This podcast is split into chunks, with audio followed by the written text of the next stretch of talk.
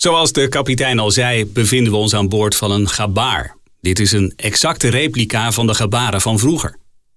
Deze boot, met 70 plaatsen, is in 2011 gebouwd van polyester en hout op een scheepswerf dicht bij Bordeaux.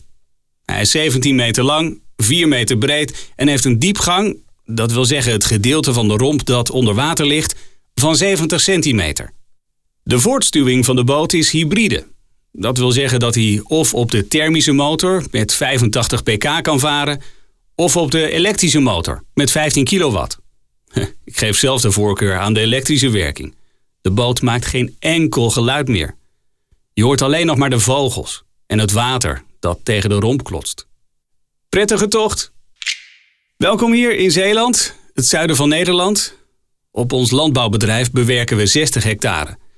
Onze belangrijkste teelt zijn aardappelen met 50 hectare en de rest zijn uien, suikerbieten, wintertarwe en een beetje mais voor onze buren. De laatste jaren hebben wij een nieuwe tractor gekocht, een T7200 met autopilot systeem en de XCN 2050 display.